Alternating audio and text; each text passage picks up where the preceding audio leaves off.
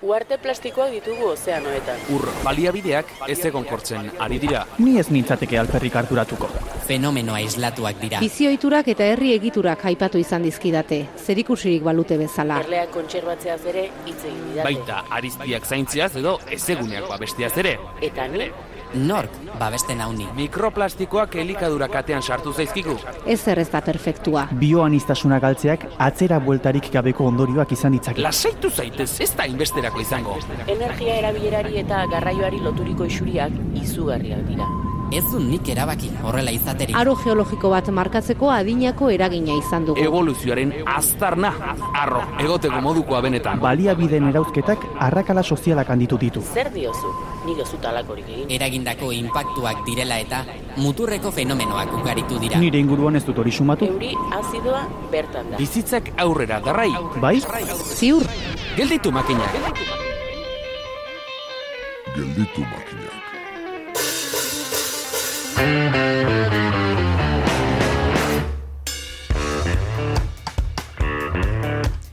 Protesta eta kexa ez dira sinonimo. Protesta, norberaren eskubide bat defendatzeko egindako adierazpena. Kexa, egoera mingarri edo desatsegin baten adierazpena. Beraz, sistemaz kexatzen gara edo protesta egiten dugu. Bai, gaur filosofiko xamar jarriko gara, eta horretarako Jone Ojea Agora Filosofia Elkarteko kidearekin izango gara sistematik exiliatzeaz hausnarrean. Bestelako sistema bat nahi badugu, bestela antolatu beharko dugu espazio publikoa edota etxe bizitza. Arantxaidi eder makinistak Matilde Etxeleku arkitektoa eta paisaia antolatzailea ekarriko du gurera, etxe iraunkorrez eta arkitektura ekologikoaz hitz egiteko.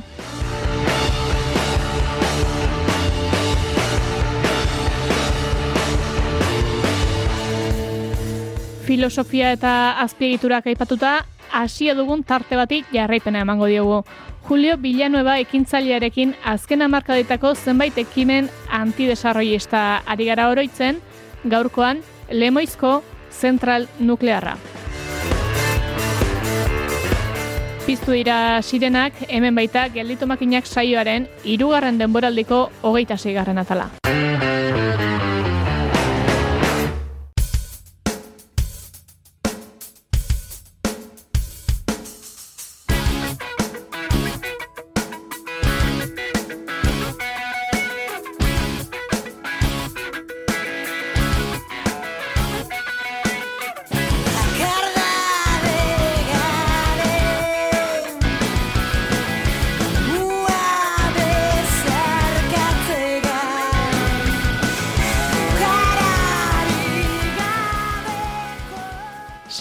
Batek eskatzen duena da egitura bati jarraituz funtzionatzea, zenbateraino dugu ordea sistema baten premia, zein baldintza eskaintzen eta eskatzen dizkigu.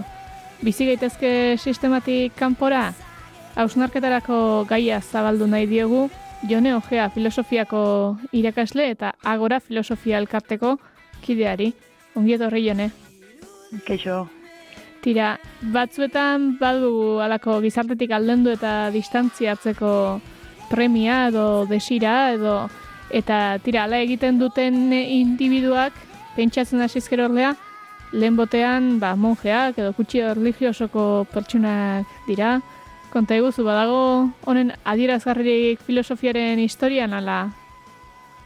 Bai, e, ala daske, etimologikoki ere erreparatuz gero, egia ere mita hitza bera atorrela, latinesko jatorrean ere, basamortukoa esan nahi duen ez, e, hitz, hitz batetik. Orduan, badirudi beti, ba, bizitza bakarti eta estetiko bat aukeratzen duen pertsona hori ez, ikusten dugu latzean, eta badagoela lotuta, e, azte eta religiosoekin, edo eta akaso inkluso ez dakit, e, peregrinazioarekin ere ez, izan daitezkenak igual, e, ba, uniezen edo egin daitezkenen erretiroak. Gero gaur egunera begira ere, okurretzen zait, e, badaudela modan inkluso zango nuke erretiro espiritualak, ba, meditazioarekin eta jogaren praktikaren inguruan ardaztutakoak, ez, ba, agian ja gaur egun gizartak hartu duen erritmotik aldentzeko behar batetik e, sortu direnak ere, ez, badirudi gaur egun badagor susmo bat izan daitekela errendimenduaren logika horretatik ateratzeko beharrak e, eskatzen duen e, erretiroa, ez?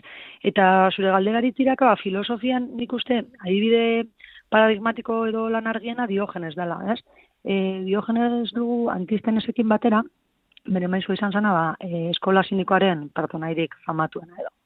Bera bizitzen arlote gisa Atenasko kaletan eta hartu zuen muturreko gabezia edo pobrezia bat e, bertute moduan, ez? E, kontatzen da bizizela upel batean, badaude lako pintura eta horra famatuak, ez? Hori Mm. adierazten digutenak. Eta bere ondosun bakarra, ba, manta bat, kapa bat, eta e, horako zorro bat, edo makila bat zirela. E, orduan, ikusten dugu irudi oso oso, ez? E, bizitzarako beharrezkoa den minimoekin bizi den figura bat, ez? Momentuko gizartean balio sozialei kritika egitea zuena atzean. Eta orduan, e, olako adibidei begira, olako adibide klasiko edo begira, planteatzen zaigun e, edo galdera horrengoa da, ea? Gizartak hartzeko orduan, hobe den distantzia hartzea eta gizarta bera kanpotik ikertza, ba, laborategi bateko aztergaia igual izango balitz moduan. Eta are gehiago, e, ea hori posible ote den, eta desiragarri edo eta onuragarri ote den. Orduan, igual pizkate ausarta da, eta ni momentu ez naiz ausartzen ez, galdera horri erantzuten, ez dakit posible ote den ere, baina egia da, izpide izango dugun zorok erabiltzen duen estrategia hori dela, ez?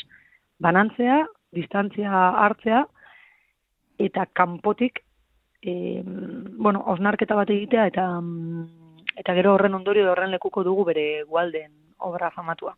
Hori esan nahi nizun, ze zororengan zentratuko gara, edo bertan kokatuko dugu gaurko gogo eta pixka bat, eta berak ere egin zuelako, hain zuzen, esperimentu bat, ez? Gaiari lotutako esperimentu bat egin zuelako Waldenekin. Bai, eh, esan daiteke igual, nolabait izan da txarren, eh, zororena dela esperimentu simboliko bat, ez? E, mila sortzen da berro eta bostean, e, zorok hartuko du bere lagun zen este filosofo batek emersonek utzitako lurzail bat, eta bertan em, eraikitako txola txiki batera doa bizitzera, gualden lakoaren e, alboan egongo dena, konkorden, Massachusettsen, eta mm, egia da ere bere etxetik hurbil dagoela. Eh? Askotan sortzen den bere eklisean edo irudian ez da, ez dakigu hori, baina zegoen kilometro terdi pasatxo, ez, bere, bere herritik esan dezakegu. Eta bertan, em, bi urte, bi hilabete eta bi egun pasatuko ditu. Eta bertan bizitakoarekin idatziko du aipatu dugun bere obrarik eh, famatuena, ez? Egia da ere, largi lusatu gabe, gualden lakurako egiten duen bidea, berez, aurretik ere azten dela, ez? Eta, ba, pizkat lan adituek esaten dutena da, e, bere bilizela orte batzuk lehenago New Yorken, ba, bere greina literalioak eta bultzatuta, ez? Ea, idazleen lanetan e, ibiltzeko asmoa zuen. Eta, bueno, han egia da, ez porrot bezala kontsideratu izan den hori bizi ostean, ba, bueltatu behar izan zen bere, bere herrira konkorre da, eta bertan, bueno, zalantzatan zebilela ez, nola bizi zer egin behar dut, edo igual, em, ba, bizitzako galdera handi hori otu zitzaionean, e, esperimentu abian jartzeko, e, ez dakit, e, galdera edo aukera sortu zitzaion, bai. Berak e, aipatzen dut onartzen du berak, eh? Ez dela olako abentura handi bat, bere helburua ez dela ez em, natura basatearen ganako desafio bat, askotan ulertu den bezala, baizik eta berea dela laborategiko esperimentu bat, edo aipatu bezala, e, esperimentu simboliko bat. Eta horren atzean izango dituen em, e, motivazioak edo izango da, benetako beharrak, e, bizitzako benetako beharrak zeintzuk diren e, definitzea, bai. Eta azkenean hor dagoen galdera ba, konektatzen da ere bastante mesu estoikoarekin dela. Zer egin behar dugu, ba, desio materiala gutxitu, eta horren bestez ere, desio material hauek azebetetzeko lan ere e, murriztu beharko ditugu. Tarduan zeiatzen da, ba, bai ideia filosofiko, zein ideia ekonomikoak izan daitezkenak, ba, bizitza praktikoan frogatzen.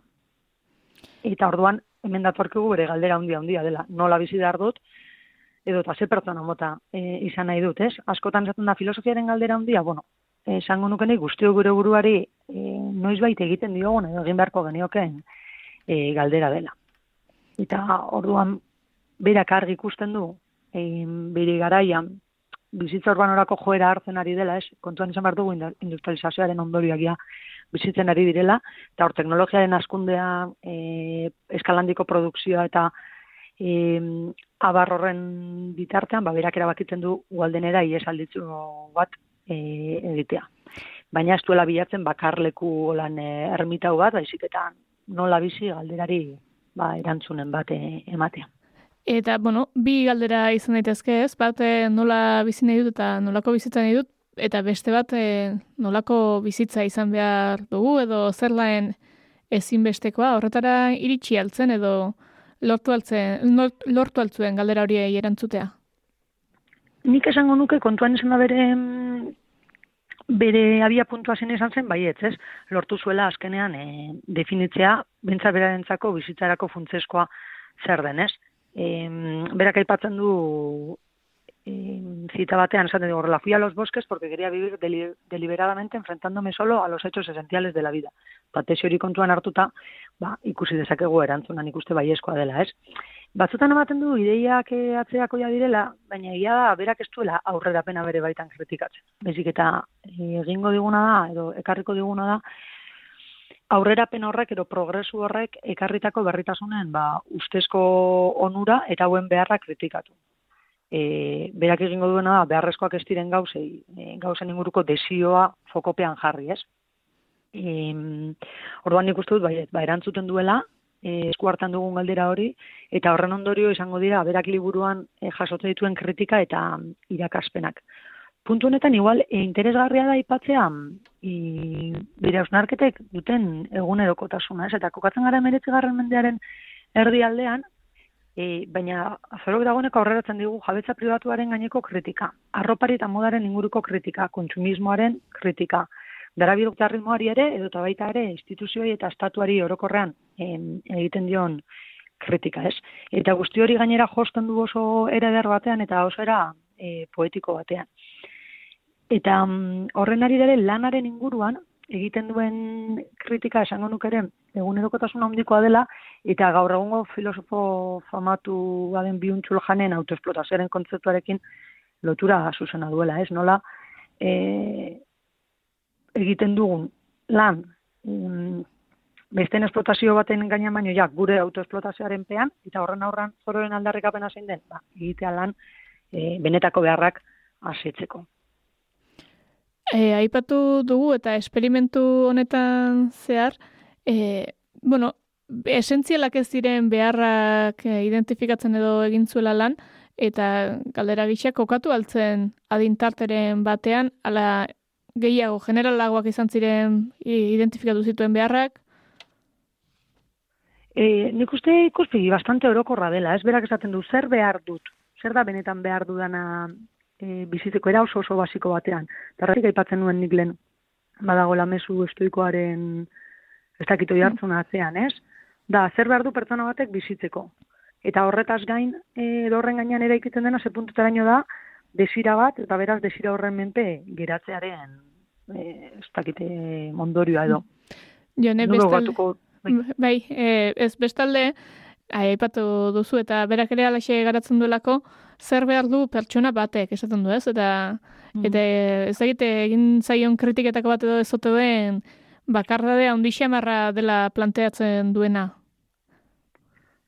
Bai, em, nik erre, hau ere berre lotuko nuke bere gainean dagoen klixe horrekin, ez? Em, kanpotikan ikusita eta horrela esplikatuta ematen du baietz, eh? zelako ermitauaren figura, alden nahi du, baina ondo errakatzen badu, edo, bueno, edo nork liburu harretaz irakurtzen badu, ikusi dezakegu zorok berak esaten duela, doa ipatzen du, era literal batean, beri izaera estela ermitauarena, eta badago adibidez nik asko, nire asko gustatzen zaidan zita bat, eh, adierazten duena hiru elki zituela etxean, bere etxola horretan, ez? Bat bakardadean entzako, bilaguntasunaren entzako, eta hiru konpainiaren entzako. E, aipatzeko da, terrepikatzen dut berriro etxetik oso gertu zegoela, e, ezuela kontaktua galdu bere familiarekin, ez da gizartarekin, orduan, berea da, e, harreman sozialen apurketa, baina kontziente bat, baina ez da e, luzaera, luzeran e, zabaltzen den bakardade edo isolamendu bat. Horren arira bakardadea negatiboa ote den, jo, nik uste e, azken urtotan asko pentsatu dugula honen bueltan, berezik ere pandemiak ekarri dituen e, egoerekin, ez? Hor bakardadea inposatu izan zelako edo kanpokoa, e, baina niri beti gustan zait pentsatzea bestaldetik ere ze ekarri aldigun edo ze eskaintzen digun bakardadeak, ez?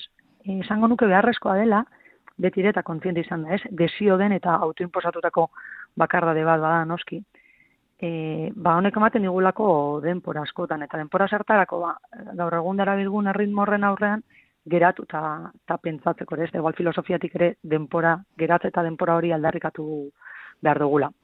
Ahaztu gabe, bakardadeak baduela beste, beste alderdi hori, ez? Ba, aipatu moduan pandemiak argitan e, utzi zuena eta, bueno, esten hain, e, hain gustagarria.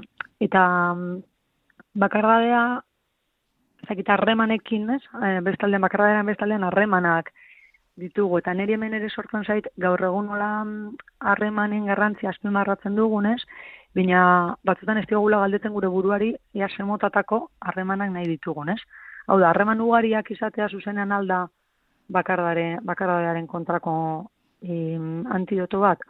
Horre Inigo Martinez bere liburu argitaratu berrian aipatzen du, ez? Pantaien garaipenaren garai horretan bizi garelarik, pantaien totalitarismoak ekarri duela interkonexioa. Eta hori esen da ukatu.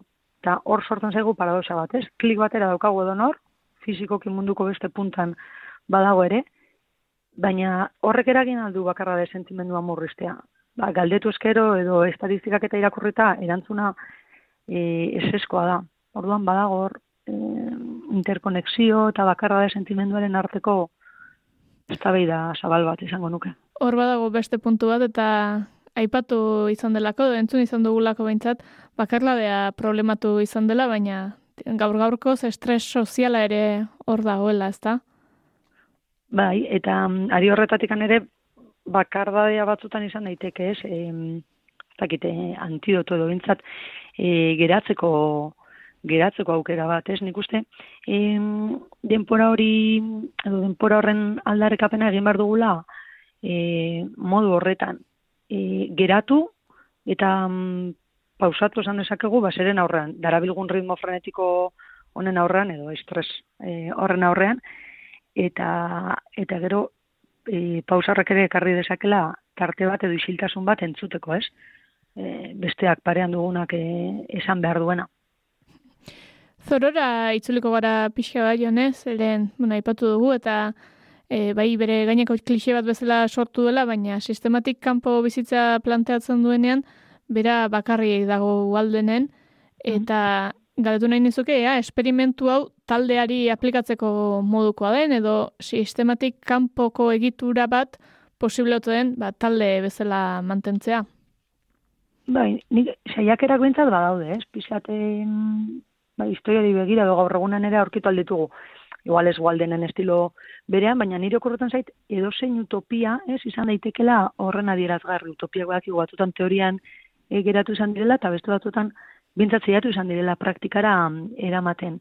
Zentzuretan, e, gomendio interesgarri bada utopia ez da irla bat, e, Laila Martinezen liburu agertan harakatzen dituelako utopia mm, anietz ikuspegi oso interesgarri baten bitartez, Eta gero, ba, zuzenean da pizka zororen garaikide izan agaiti, ba, sozialismo utopikoa etortzen zaite burura, ez? Ba, natura oso presente zute lauren ideietan, da, azkenean, em, garaiko industrializazaren kontra gizarte ideal bat eraikitzeko nahi dute, ez? Eta oinarrian, ba, bakea, harmonia, eta berdintasun hori aldarrikatzen zuten. E, historikoki zeiatu izan dira pra, e, praktikan jartzen, da, estatu batuetan, emeretzi garren mendearen leheneko berdian, zeiakera desente egon ziren, ba, igual Brook Farm, horreke zororen garaikoak ziren, eta kuriositate moduan gonbidatu izan zuten ere, zoro antza euren proiektuan parte hartzera, baina zoroke, bueno, zuen e, onartu bazuelako ikuskera hori, ez, igual individuotik gizartera, eta ez e, alderantziz, aldaketa individuala taldearen aldaketaren aurretik, ba, berak pertsonalki jartzen zuelako. Eta gero gaur egunera eraman da, pixkat, gaia zabalduz, niri buru datortzen zaizkit bi adibide, alde batetik eko aldeak eta lako em, errei txiki autogestionatuak, eta beste batetik ere ba, autogestion oinarretako auzoak ez, edo errekale hor, eta antzerako proiektuak etortzen zaizkit burura. Bai, agian ez direla e, Waldenen estilora pixka bat ez, e, badiru direla oianean galdutako eremu bat eta zari garela, eta, eta ez etxetik kilometro baterako distantzian kokatutako eremu batea ari garela. Bai, behian ikuste horretu gustatzen zaita errepikatzea eta e, gualdenen inguruan eta zororen figuraren inguruan interesa izan eskero Antonio Casado ere biografia sentialean oso argi aipatzen du hori, ez? Eraiki dela klise bat eta edo irudi bat, mitifikatua eta gero kritikatua izan dena, baina horre atzean badago, ez? Igual, ugaldenak badaukala em, naturaren deiadarraren irudi hori kanpotik, baina e, edo nork irakurrita eta honetan soa soa irakurketa bat egin da ikusten da berak ez duela lako inolako protentziorik. Berak kontatzen du, jendearekin topo egiten zuela, jendia, jendearekin edo jendea gomidatzen zuela, ba, pasoan zirela berarekin gurutatzen zirenan, eta baita bera ere herrira joaten zela joan etorrian. Jone, bestalde, zororekin segiz, e, bueno, ba, bere ekarpena eta ikusita, agian ez da beharrezkoa selkapen batean sartzea, baina konta eguzu liburua irakorreko bagenu ze nola selkatu beharko nuke izango litzake ekologista izango litzake zoro, anarkista, individualista izan daiteke? Neri per, pertsonalki ba, iritzi, iritzia azkenean, ez? E, nik ez du guztoko individualistatza e, deskribatzea uste dudalako, galtzen ditugula beste hainbat faseta, ez? Taruan, igual, ezaguarri zerrendaren oraino luza daiteken em, ikuste baina interesgarria da, interesgarria da bere irudi edo identitate polifasetiko hori aldarrikatzea. Eta bai, patu modu da segertatu da, bere etiketatzarek bori sortu dela mito bat, eta gero mitorik apotik kritikatu egin dela orduan, E, nik esango nuke, e, bere obraren dependeta zen, ze liburu esan dezakego, e, ze ikuspegitik hartu, eman aldigula irudi desberdin bat, bai. E, gualdenak badauka ikutu oso ekologista, argi dago, baina baditu desobedientzia zibilaren inguruko idazki handiak eta horba igual anarkismoaren irudia egon daiteke presenteago, ez? Torran ni gustatzen zait hori saiatzea puzle bat egiten eta eta bere alderdi guztiak ikusta, ez deskribapen zintu lortu nahi badugu uste dut hori dela koherentenea, ez? Bere ibilbide osoa em, kontuan hartzea. Eta horrez gainere badauka bitxikeria moduan em, estilo poetiko bat bereziki igualdenen oso nabaria dena, e, eta uste dut horregaitik ezin dugu lasartu bat, eta baten pean, eta filosofiaren ikuspegi oso ederra eskentzen dugu, ez? Ba, filosofia bizitzeko era modura hartu zuelako berak eta ez soilik pentsamendu volante erreflexibo baten gizara. Aipatu ditugu, e, bueno, sistema estandarratik pixka talentzen diren eredu praktikoak aipatu ditugu lehenago eta mm. esan bezala zororena ekarpen bueno, filosofikoagoa da, nolbait esateko. Badaude alako esperimentu gehiago edo baituzu E, nik alde batetik filosofiarekin lotuta, e, gustatuko litzaiak aldarrikapen e, txiki bat egitea, ez? Badagoelako e, jo filosofia eta asperioa, badiru zerbait arraroa dela, ez? E, bi gauza diferente direla ekintza praktikoa eta mm, filosofia. Orduan, zororen prismatik, uste dut filosofian izan dugun irudiziatz hori, deseiki behar dugula, ez? Badirudi, e, filosofoa izan dela, e, ba, historiko ki estereotipatu dugun zerbait, da, gizon zuri nagusi bat, aldala bizar zuriduna, eta kokatzen du gero Atenaseko agoran, edo eta olako idazmai, eta elegante batean, pipa erretzen. Eta maten du hortik kanpokoa, ez dela e, filosofia, ez? E, eta orduan, badiru dagoela pentsamendu alde batean, eta ekintza beste, beste alde batean. Eta, eta horren arira gaur egongo pentsalari askok, filosofiaren, edo ez dakit mugitzen nahi den filosofia bat planteatzen dute, ez, gustatuko litzaiak gora ekartza didez, e, Marina Garcés, badauko mundo komun e, liburuan egiten du irakurketa soziopolitiko bat, ez? Zerruan, e, soziopolitikoa den edo zerresalta definizioz praktikoa. Bar badago, nik uste praktikotasunarekin edo experimentaltasunarekin e, lotzeko behar bat. Hori alde batetik. Eta mm, kasu konkretu moduan, baina larregi lusatu gabe norbaiteke interesa badu, e, nik, bueno, plazarra esan nuen duela orta batzuk, elkarrizketatzeko Jose Diaz. E, Jose Diaz egiten zuen, Wanda Film produktorarekin batera, mm, proiektu gozo interesgarri bat, 100 diaz de soledad izenekoa, eta holan estilo oso zororen estilo batean egin zuen. Bere helburu izan zen, em, redeseko parke naturalean zuen e, bere etxolan, egun egun igarotzea, guztizko bakardadean, kasu honetan bai guztizko bakardadean, inolako kontaturik gabe. Eta hortik abiatuta, ba, dokumental eder bat egin zuten. Jone, elkarrezketa bukatzen hasteko hasierako galderara itzuli nahi nuke, ea, ba, bueno, e, hogei minutu hauen ondoren zer rateratzen dugun, eta beraz, orloa, atera gintezke sistematik, edo bizi gintezke sistematik kanpora? E, Uztut, galdera, bitzak, galderaren erantzun finko bat e, ez dudala emango, baina repaso bat egin, eta espero norbait irintzate. E, bueno, e, interesgarri ditu izan edo irakaspenen bat atere esana. Uste dut bai dela importantea distantzia hori hartzea eta horren aldarrikapena egin nahi dut. Ez, igual sistematik atera eta bizitzeko aldarrikapena, baina bai gure momentu historikoari begira, uste dut ulertu dezakegula zoro, era baliagarri batean, ez? E, zarata eta, ritmo kapitalistaren kontrapiso, e, kontrapiso modura.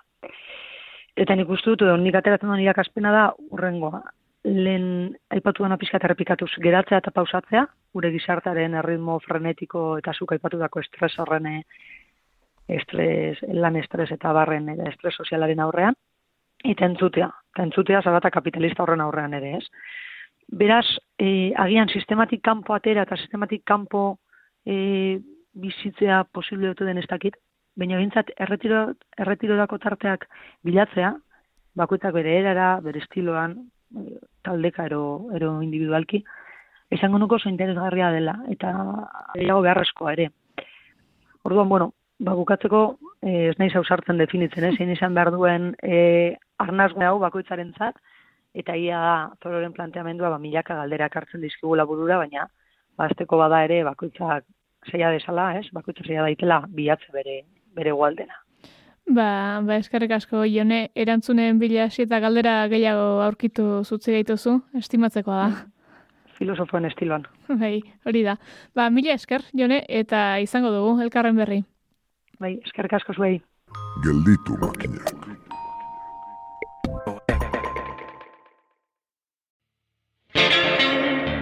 Jarraian, arantxa idiederri emango diogu pasoa, Matilde Etxeleku arkitektoa eta paisaia antolatzailea ekarri baitu gurera.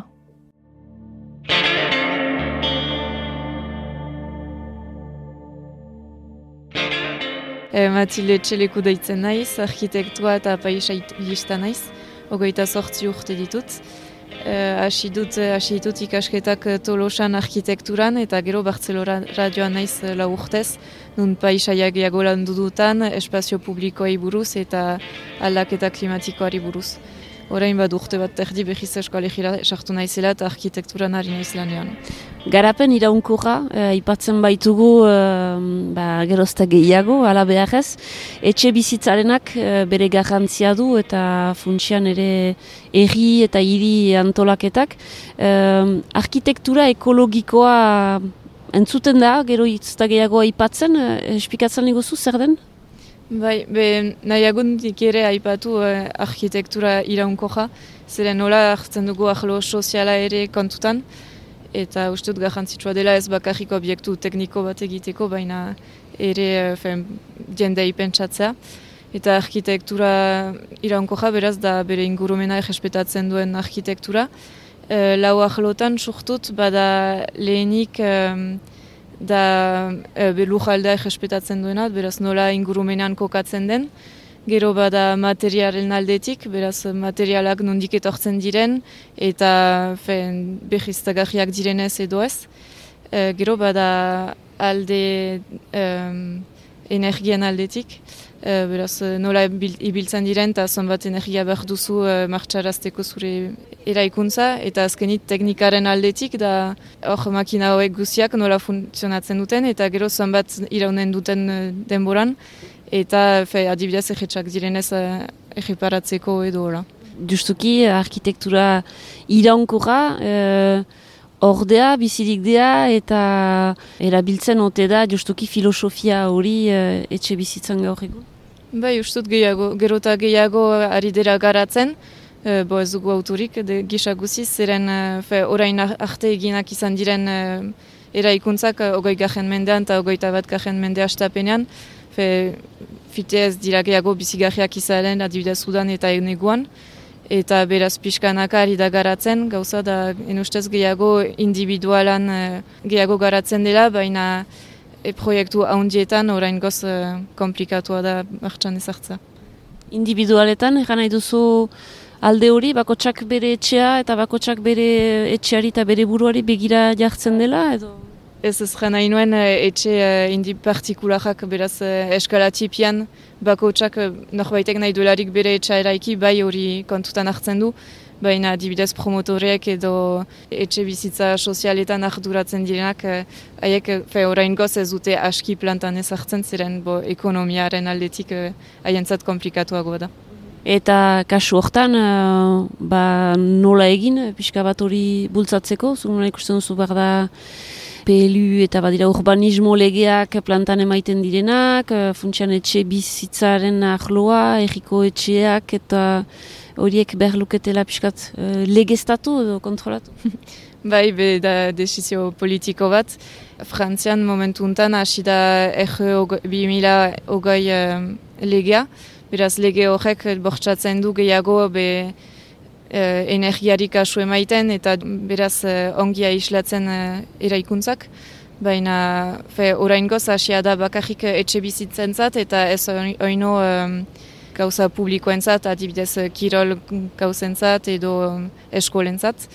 Baina pixkanak aldatuko da eta gero da enustez eraikintzen dutenek beraz edo etxe bizitza sozialia edo proponotarek ere da haien autua eta beraz voluntatea eta behar bat dirua ezagri gehiago um, etxe bizitzaren inguruan eta nola termikarekin uh, lotzen duzun, eta zinezta beste gauza batzuetan autuak dira. Eta etxe bizitza iraunkorra izaiteko, dituzu, baduzu, eh, badira inbat uh, pundu segitzekoak, baina uh, posible dea azkenan hori pundu guzi horiek segitzea, materialdetik, ikusita zemat etxe bizitza badiren, eta hori gaur egun posible da?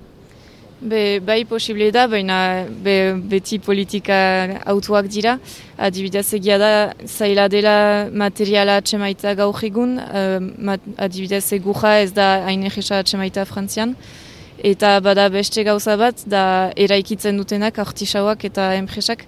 Horain ez dira formatuak uh, olako materialak erabiltzeko. Eta beraz eh, beguk ezin dugu adibidez nahi duguna egin, ziren gibelan ezinko da eraiki eraikuntza.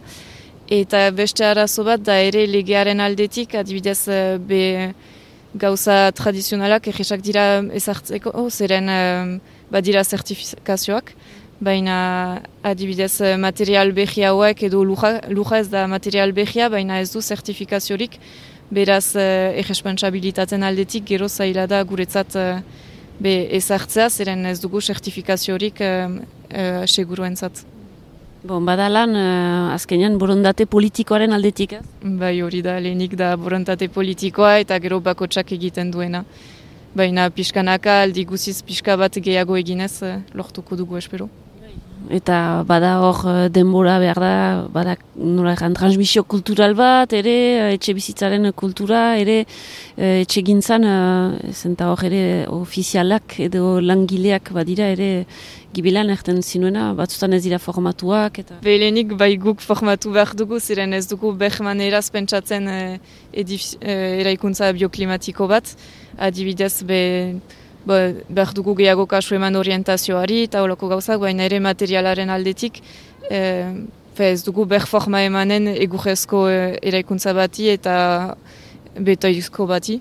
Eta gero, bai, be, enpresa bako txak beharko du formatu ere e, material behi guzi hauek plantan ezartzeko, eta eta biztanlek ere beharko dute ikasia, adibidez nola martxan diren haien eraikuntzak edo etxe bizitzak, adibidez, be, zakit, klimatizazioa nola erabiltzen den, behar dute diakin, be, lehioak gehiago ideki behar dituztenez edo ez, e, behar neko airea behiztatzeko eta olako gauza iniz behar dira komportamenduak aldatu. Bo, ez duzu esperantza galtzen?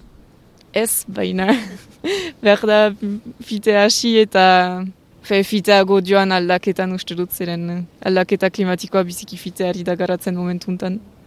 Egan behar da, Bartzelonan ikasketak egin dituzularik, beraz arkitektura lan duzu, baina eh, paisaia ere orokorki eta azkenean eh, garrantzitsua da ere hiri bat, eman dezagun eh, urbanismoa lantzen delarik, ba nola eraiki, nola pentsatu, adiez hori nola pentsatu behar litaike hiri bat iraunko izaiteko?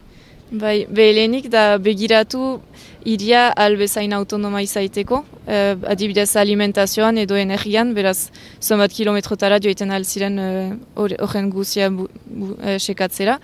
Uh, beraz, adibidez, Bartzelonan, pentsatzen begiratu dute, uh, zakit, ogoi kilometrotara, laborantza guziarekin, uh, zonbat, uh, zonbat urtaz bizitzen aldiren uh, barneko biztanleak.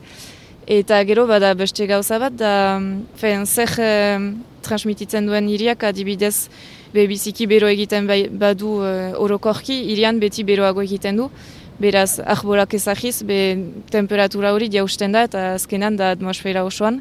Eta adibidez beste adibide bat da um, urarekin, um, iriak ez dute absorbatzen uh, ura. Beraz, uh, be nola gehiago espazio berde ezagiz uh, irietan, nola ur hori absorbatzen duen eta gero beraz bedioiten alden egeskiago egesek betara eta ez direktuki e, itxasora joan edo inundazioak sortu. Egia denaren azken urtetan begiratzen dugularik e, iriak hemen, eh? Baionak kostalde, angelu, miarritze, so egiten badugu nolako e, ba, behantolaketak egiten dituzten irian, minerala dela azkenean eta berde gune guti, arbolak mozten eta ahunt kontra doan e, antolaketa bat da? Bai, orain goz, uh, Eipar Esko Alegian behin goz, uh, ez dute uh, mentalitatea aski aldatu. Uh, badira ahazoin batzu, adibidez uh, ez abakarrik politikoen arazoa, adibidez bada gauza bat da patrimonio arkitektuek, ez dute nahi arbolak ezartza monumentuen aintzinean, adibidez. Beraz, uh, leku hauetan ezin dugu arbolik uh, landu. Bon, haiek pentsatu behar dute, zer den garrantzitsuaena da begiratzea nola polita den eraikuntza bat edo nola bizitzen giren gure irian. Eta gero badira beste gauza teknikoak adibidez badakit eh, baionako e, plazan badira be gajaio arazoak eta beste odo pesta handiak sortzeko ezin dituzte egeskia arbolak landatu, baina bo, albezain bat e, orain da momentua hiri horiek aldatzeko, zeren gainera arbolek denbora ezartzen dute garatzeko. Bai, eta pixka bat, zakit, uh, ibilia ziren Europan, hainbat egitan, ez dira berdin garatzen iriak, eta hori ikusten duzu, justu duki, uh, nola ezan, uh, ikasleon batzu, edo hiri handi batzu, nun justuki berdeguneak gehiago mantendu diren, atxiki diren. Bai, be, uh, hiri handiek, uh, orokorki, aski segitzen dute, ikusi nuen uh, itzaldi bat, adibidez, uh, menante buruz, nun nandesen, ez du iduri ziren bada laluak pasatzen dena justu iriaren ondoan, baina azkenan badituzte eura arazoa initz, ziren ibai hori e, gatzatua da. Beraz, e, be udan ez sufrituko dute e, e, ure eskaz. Beraz, deiar dira iria beste manera batez lantzen be ur hori atxikitzeko. Edo be nik ezagutzen dut bizikiongi Bartzelona, beraz hori aipatuko dut, baina Bartzelonan espazio publiko guziak orain ari dira pentsatzen nola aldi guziz eh, albezain bat ura txiki eh, lurpean eta ahbal hainitz landatu ziren be udan biziki bero egiten du handeia. Eta horrek zer aldatzen du uh, azkenean bada eguneroko biziaren uh, alde ona edo konfor hori, uh, baina uh, krisi klimatikoari begira uh, eragina zein da. Badu eraginik? E, bai, be, zakin nola da... Mm, alde batetik krisi klimatikoaren impactua gutxitzen du, eta be jezibitzen duena, eta biztenleak bizitzen dutena gutxitzen duera, beraz da zirkulu bertu oso bat enetzat. Baina, bon, gero uh, ez dugu dena konponduko ere, eta aldaketa klimatikoa ongi hasia da, eta ez dugu fe, golpe bat uh, gelituko ere. Eta zuk... Uh zer duzu hiri ideala edo herri ideala nola ikusten duzu? En ustez lehenik arkitekturan ikasten dugun lehel gauza da fe ideala, da ideala leku bat entzat, baina ez, gu atxemanen egizeta bat denetan eh, beh eh, maneran funtzionatuko dena. Beraz lehenik da begiratza zer diren gure eskasak eta nola aldatuko den eh, gure ingurumenak aldaketa klimatikoari buruz. Eta gero be hiri bakotsak edo egi bakotsak behar ditu plantan ezagi bere metodoak, baina hainez gauza alatzen dira, adibidez topografia edo klima, fen denari ba- kasu eman behar da idal hori atxemaiteko. Eta lehen, uh, astapenean, azkenean uh, galdegin izularik uh, arkitektura ekologikoaz, arkitektura iraunkorra gehiago uh, nahi nola aipatu eta azpimarratu. Alde soziala aipatzeko eta azkenean uh, etxe bizitzan ere bada tendentzia ohitura da. Eh? Bakotsak bere etxea nahi duela, bakotsak bere etxe bizitza erosi. Asten dira, garatzen etxe bizitza kolektiboen uh, ideiak, hor adibidez, uh, ba, bizi moldeak ere eragina izaiten aldu, eta behar da pentsatu behar ba biharko iria edo egia hola ere. Mm, bai, uste dut, eh, etxe individualaren eh, moda hori biziki frantsesa dela. Hainitz lekutan ez da hainbeste eh, hain individuala, eh, ba, adibidez eskoalegian, esko, ego eskoalegian ez da hola, eta adibidez eh, Inglaterran eta hola ez da bate hola. Beraz, eh, gero behar da pentsatu, be zer eh, aldatu behar dugun gure mentalitatean, eta zendako nahi dugun etxe individual hori, adibidez, zer da garrantzitsua da etxearen eh, itzulia egiten ahal izata, edo da gehiago baratze bat ukaitea, edo ez gure hauzoak uh, hainbesten zutea. Gauza positibo guziak ukaiten alitugu kolektiboa izan ere, adibidez bizitzen algira apartamendu batan, eta gure baratza justu ondoan ukan, edo be aislamendu fonikoa biziki eh, onki zaiten alda eh, apartamendu eh, kolektibo batean ere. Eta gero bada beste gauza bat da behiz behar dugu pentsatu bai eh, nola bizigiren elgarrekin, zeren piskatan dugu parte hori. Eta garrantzitsua da be, behiz eh, sozialki elkartzea, eh, ez usteko jende batzu bakarrik pentsatzen dute pertsona zahai adibidez, badira gero eta gehiago eta hainitzek sufritzen dute bakarrik izaita eta azken gauza da ere adibidez latzeko gure e, bizitzeko manera da ere behar behar dugula behiz gure ganatu gure eraikitzeko artea. Fe bakotsak e, ikasten aldu. Orain biziki kontsumismoan gira beraz bakotsak behar haiten du enpresa bati erakiotzen aldi dazu etxe bat otai. Baina behar ba, be, behar dugula behiz e, ikasi nola eraiki. Eta guk gure buruarekin eraikitzen badugu be Fe, uste dut, e, gure mentalitatea aldatzen da, zeren bakotxa, gauza bakotxa pentsatzen aldugu, eta zendako gauza bakotxa manera batekin egin edo ez, eta gainera gehienetan da abentura kolektibo bat ere etxe baten eraikitza. Bon, ebe, ala, Matilde etxeleku, etxeleku hor bazioen izan berezi bat, ez zure bizi erako, ala ere eragin bat okandu? ez dakit, baina, bai, onki atxemana da etxileko ideala beraz. Bon, ba, mil esker, gurekin ikonik. Mil esker zuri. Gelditu makinak. Naiz irratian, Eli Pagolarekin.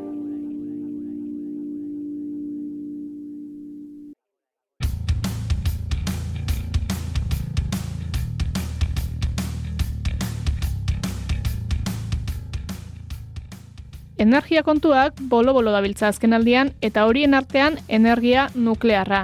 Izan ere, eman eman dira zenbait aurrerapen teknologiko eta sortutako ikusmina ez da nola nahikoa. Euskal Herria etorriko gara, hemen lehenago ere izkaitagai eta borrokagai izan baita energia nuklearra. Julio Villanuevarekin bildu garen ezkero, lemoizko kontuak ere aipatuko ditugu.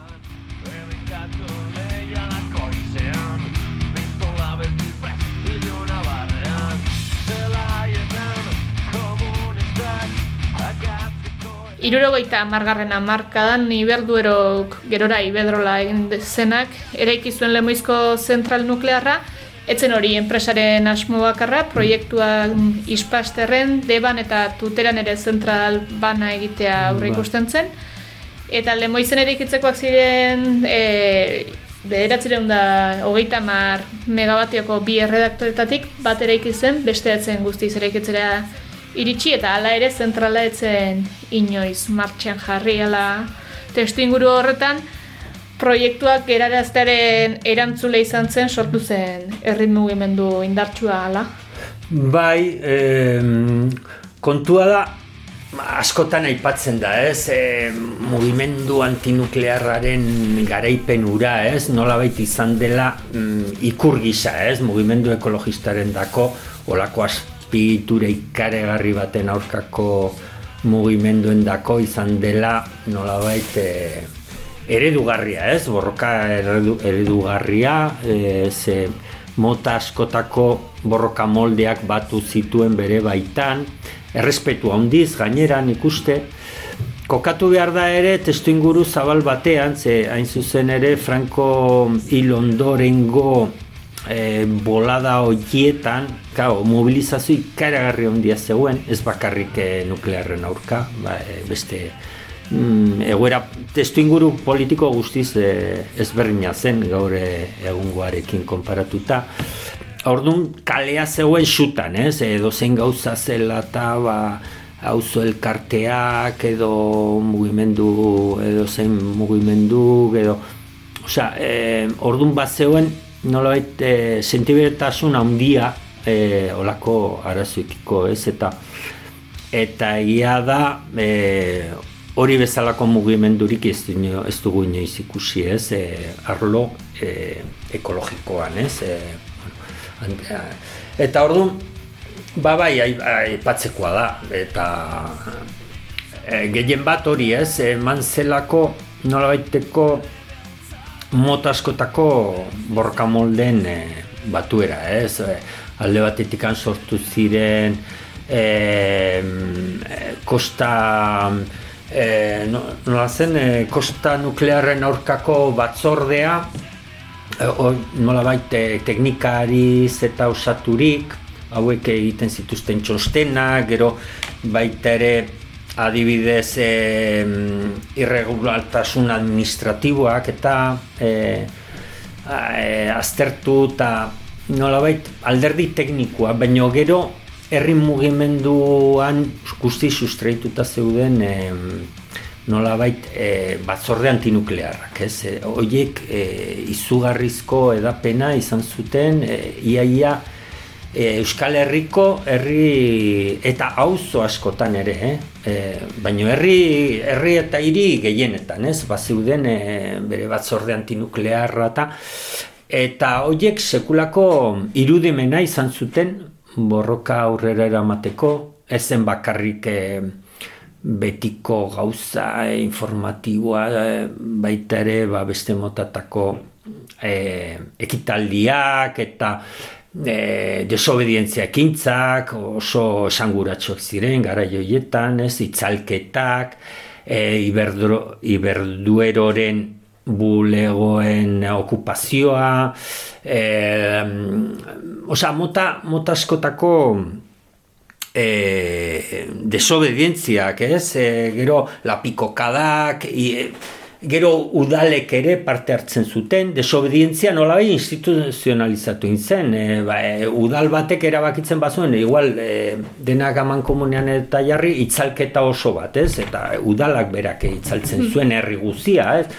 Orduan, gero ere, karo, e, e, pago, pagoari ordainketa desobedientzia ere egiten zen, jende asko eta askotan iberduero etortzen zen, e, moztu egiten zuen argia eta jendeak e, eta batzorden barruan baziren teknikare batzuk berriz joaten zirenak e, eta berriz e, indarra, argindarra martxan jartzen zutena berriz iberduerokoak etorri moztu eta gero berriz besteak osea bazeon bazeoan seukulako Gero sabotaiak ere, sabotaia, sabotaia pillo izan ziren, eta, bueno, oso, eta mobilizazio ikaragarriak, osea, olako horik eh, inoiz ez da ikusi Euskal Herrian, ez? E, eun da berroei, eun da berroita mar, eun irurogei pertsoneko mila milako mila personeko mobilizazioak. Mobilizazio horietan gainera esangura izan ziren, ez? E, Larogeita emeretzian e, lemoizera datara egindako blokeak e, bai baionatik, bai tuteratik bai. abiatutakoak. Bai. E, hori ba, bai izan ziren, mobilizazio handien erakusle... Bai, mobilizazio handiak hor basordaz e, kalan zea, e, bueno, iristeko, gero blokeoak, errepide blokeoak, Eta, karo, gero, Guardia Zibilen intervenzio oso bortitzak izan ziren. E, horre, sarreran, e, gero, bueno, manifestazio asko korrika bukatzen ziren. Osa, izan zen militarizazio oso oso ondia, ez? Eta, Eta, bueno, be, garaiak, bai, oso, oso gorrak, e, alde batetikan, beraien partetik, beste aldetikan herriaren erantzun partetik, eta gero, noski, borroka armatu izan zen ere, e, bueno, jende asko hau ez da bai dagarria izan daiteke, jende asko erendako interbentzio armatuek nolabait suposatu zutelako nolabait ez e, benetan gelditzia, ez? Osea, ze, karo, egia da e, asko tenkatu zen kontua, e, izan ziren eriotzak, izan ziren e, e, ekintza armatu oso handiak eta eta bueno, hor hor e, karo, e, nolabait indar politiko askoen e, nolabait indar armatuk bat zeuden. Ze, karo, ez zen bakarri eta militarra, bat ziren e, ba, autonomoak ziren, bat ziren e, eta politiko militarra, bat zen e, beste komando batzuk ere, e, piskote maoistagoak zirenak, oza, Karo, e, gara joietan e, motaskotako erantzun armatua zen, eta orduan, karo, oso oikoa zen, edo zen, osea, egunkari hartu, eta eta ez dakiz ze dorre botata dagoela, ez dakiz ze e, bulego txikituta, ez dakiz zer, eta gero barruko sabotaiak ere. Gero ere, ez daztu bihar e, langileen artean ere sabotai asko egin zirela. Osea, bertan lan egiten, zuten. Nolakoak? Eh? Nolako, ze sabotaiak? Eh, sabotaiak mm, alde batetikan, bueno, baziren nolabait eh, huelga de zelokoak edo, ba, bueno, fiskote mm, nolabait rendimendua eta oso eskasa, eh, osea, esan nahi eh, hori ez, eh, lan martxa eta motel duen zutela askotan, gero piezak galdu egiten zirela, gero mm, beraiek ere naita gaizki egindako lanen ondorio zerea hoiek ere atzere inspekzio etorri eta ostia hau gaizki dago atzeratua hmm. gero ere ez bakarri bertako langilena baita ere e, zamaketariena e, adibidez etorri bat ziren karo pieza hoiek guztia gehienak estatu batuetatik anzeto zen e, portuetara, baino zamaketariek uko egiten zioten hori deskargatzera, hori ez bakarrik hemen bilbon, baita ere burdeos egero bideratu zuten borde, e, bordelera, bordelen ere arazok izan zituzten, oso, oza, ba, ba sekulako e, elkartasuna, ez? langile elkartasuna, eta eta bueno, oso, oso gara interesgarriak, eta hori testu inguru orokor baten, ze, karo, niko dut ere, gara joietan ere, bazeuen, e, Frantzian eta Alemanian e, baita ere e, nuklearizazioen aurkako borroka oso oso sendoa, e, horren lekuko adibidez, Plogrov, horre e, izan zen beste proiektu bat gauzatu ezena e, hor Bretainian, Plogrov. Eta hori ere, hor ezen e, eskuartze militarrik izan, osea, esan nahinat e, borroka armaturik eta ezen izan, baino, e, herri guzia beretaina zegoen baita ere zutan, osea, ez zuten onartu eta azkenean lortu zuten e, gelditzen eta ezen gauzatu, ez. Eta, bueno, oso garaio interesgarriak ziren, ez, e, oiek, bai. Gero, e, bai, bestelako borroka batzuetan edo ez du amaiera berdina ez zautu, baina honetan, esan dugun bezala, etzen martxan jarri zentrala, bertan bera geratu zen proiektua, alegia izan daiteke, nola baiteko herri mugimenduaren arrakasta edo e, arrakastatzat hartu daitekeena, Hala ere, behin, laro lauan, erabat bertan bera geratu zenean proiektua, nolako giroa geratu zen kaldean edo jendeak hori nola hartu zuen? Hombre, nik uste e, garaipenaren sensazio handi batekin eta izan zen ikuste moral nolabai goratze ikaragarria, ez? Osea, nik uste jendea... Home, bere kontraesan guztiekin, ze, karo, biztan da hor e, borroka armatuaren eraginez ere banak eta handia izan zen, mugimenduan ere, baino nik uste garaioietan beste modu batez ikusten zela, ez? Gerora aldatu izan da, ez? Gero etaren interbentzioak hainbat e, borroketan adibidez atxeterenean eta askoz ez e, kontresan handiagok eta eta Bai, barne eta eta izan barne tirabira askoz gehiago. Peño gara joietan nolabait Ja, frankismotik entozen, em, nolabait onartuago zegoen, o, gero hori, gero indarra handia kalean, e, Osea, beste, beste mota batez, ez? E, beste modu batez e, ikusten zen, ez? Baina bai, e, nik uste moralaletik altxatze ikaragarri izan zen. Ikusita, ostia, herriak berak e, lortzen alzuela olako proiektu ikaragarri handiak e, gelditzen eta oztopatzen eta eta hori importante izan zen, gero nolabait baita ere e, ondarroietatikan sortu zen nolabait e, herri, osea, mugimendu ekologistaren berpiste bat, ez? Bueno, berpiste edo edo jarraipen bat, ze karo, nolabait e, e, talde batzorde antinuklear hoietatikan sortu ziren beste batzorde orokorragoak e, ja, ekologistak ziren, ez? E, deitzen ziren e, ni gogoan dut, eh, hainbat, bueno, irien arabera edo herrien arabera, ba, talde ekologista eta antinuklearrak, edo talde ekologistak, edo, karo, gero ere, gero ere beste kontua sortu zen, ze, nolabait, nolabait autonomoak ziren talde horietatikan, ja nolabait sortu zen e, batuera bat, ba hor, em, handik urteetara, urte batzuetara sortu zen eh, eguzki, baino gero ere hori ikusten zen, karo, mm, erakunde mm, alderdi politikoak esan dezagun, ba hori ez, ba nolabait eh, herri mugimendua instrumentalizatu nahi izan zuten, ez, eta gara joietan, karo, nik gogoan dut hori ez, e, nolabait e, baten nolabait autonomoek izatetik, nolabait zentralizazio batera sortzera eguzki ekologistak sortu ziren, baina karo, ja, bere baitan ja sortu ziren tirabirak ezkera bertzale maoisten arten e, gara joietan MK, LKI, bueno, troskistak ere, LKI, e, eta orduan ja mm, beste talde bat sortu zen, eki,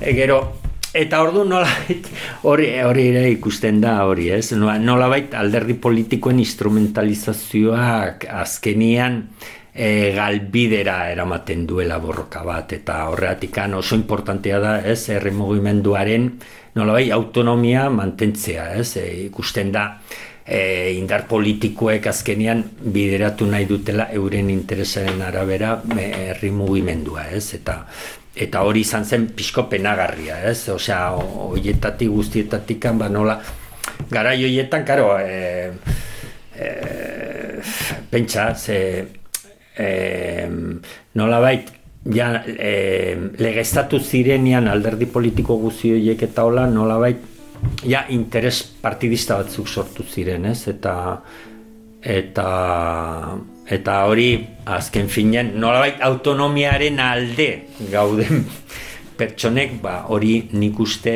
mm, mm, gaizki hartzen dugula. Ze, ze biztan da edo zein herri mugimendua ja e, nolabait euren interesen arabera eta ba azkenean. Bai bueno hori izan zen kontua. Erdi erdian mendeetan babestu naiz hainotxan oituren arresian barne oiuen erauntziak beretzat nahi nauenean Hau izan da ba, hogeita seigarren saioa entzule. Ongi izan, eta datorrenean ere, hemen izango gaituzue. Aio! Lehen malkoa Ixuri arte basatasunean